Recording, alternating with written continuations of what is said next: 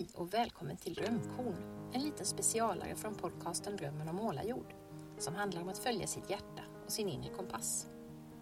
Jag heter Maria Estling Bannestål och sedan jag startade podden 2015 har jag spelat in massor av samtal med en rad kloka och intressanta människor. Nu vill jag lyfta de tidigare avsnitten i en annan form. Därför har jag plockat ut några små guldkorn från varje avsnitt. I det här åttonde drömkornet ska du få träffa konstnären Emilia Linderholm som jag mötte i hennes mysiga ateljé i en liten by utanför Växjö för några år sedan. I samtalet med Emilia upptäckte jag hur mycket vi har gemensamt.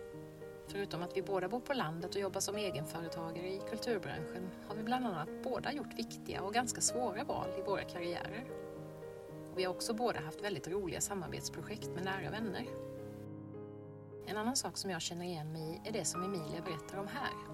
Jag är social och tycker om eh, människor och möten och, och så. Men också mycket sådär att jag behöver vara mm, ja, i min ateljé och arbeta och eh, vara i mina fantasier och tankar och, och idéer och sådär. Mm. Skriver rätt så mycket dagbok och sådana saker. Så det är de där två sidorna mycket som, som jag har med mig då. Ja, det har ju pratats mycket om introverta och extroverta personer på senare år.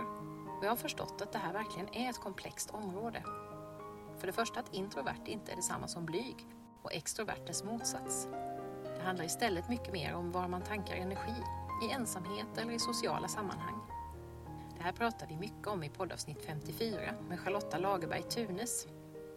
Jag lyssnade också på ett intressant samtal om introvert-extrovert-begreppen häromdagen med en av mina inspirationskällor Susanna Conway som intervjuas i podden Grow with Soul. Och sen är det ju det där som Emilia beskriver, att behöva både de sociala sammanhangen och ensamheten. Det har blivit väldigt tydligt för mig på sistone, liksom att jag har fått ett större behov än tidigare av att vara för mig själv. Det är nog en av anledningarna till att jag trivs så bra med mitt yrkesliv nu.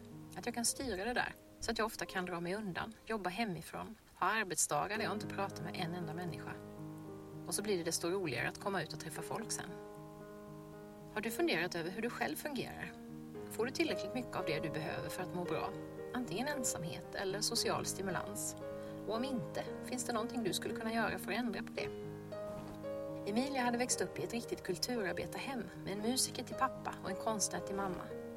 Under en tid körde hon själv två parallella karriärspår, måleriet och sången. Men det kom en dag när hon insåg att det inte höll att satsa fullt ut på båda, samtidigt som hon hade små barn hemma.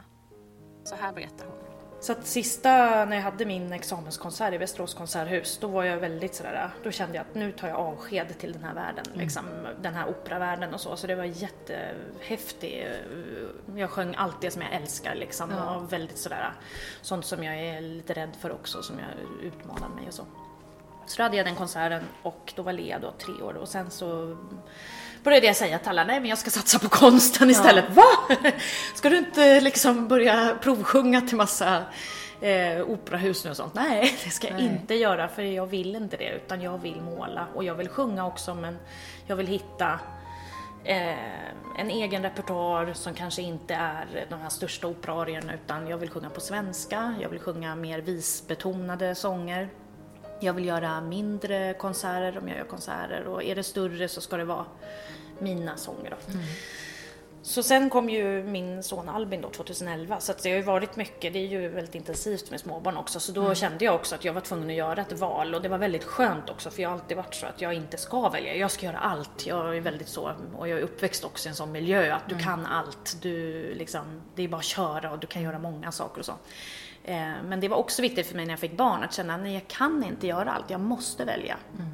Och det var också en befrielse någonstans att nu väljer jag konsten, nu lägger jag operan på, jag behöver inte öva varje dag.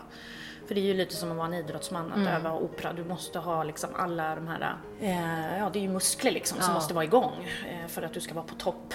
Och i och med att jag också kan så mycket om det så jämför jag mig med de som är bäst. Mm. Säga. och då, vill jag, då är det bättre att helt sluta kände jag och känna att nu, nu lägger jag undan det och så fokuserar jag på måleriet och mina barn mm och eh, ett annat, ett annat typ av liv. Ja, jag känner så väl igen det där att stå inför ett vägskäl och inse att det är dags att välja.